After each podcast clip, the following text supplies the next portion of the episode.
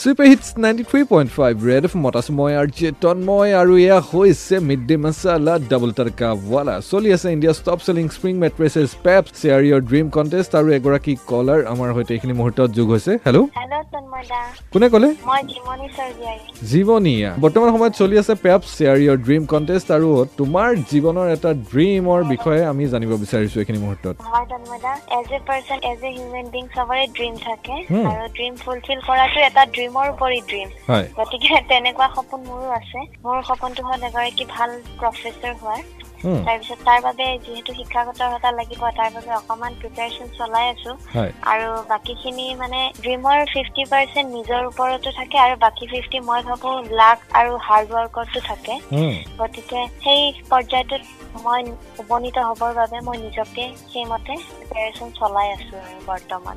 বাকীখিনি আৰু ভগৱানে জানে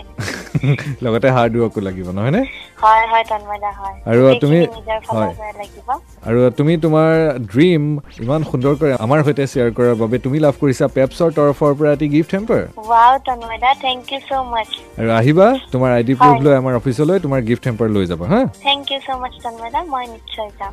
বাই বাই বাই আৰু জিমনিৰ দৰে আপুনিও জিকিব পাৰে পেপছৰ তৰফৰ পৰা এটি গিফ্ট হেম্পাৰ প্ৰত্যেক দিনাই মিড ডে মাছালাৰ তৃতীয় ঘণ্টাতে পিছে তাৰ বাবে আপুনি আপোনাৰ এটি ড্ৰিম আমাৰ সৈতে শ্বেয়াৰ কৰিব লাগিব আগবাঢ়িছোঁ এইখিনি মুহূৰ্তত পুনৰ এবাৰ ছুপাৰ হিটছ গীতৰ মাজলৈ ninety three point five Red F M বাজাতে দেখো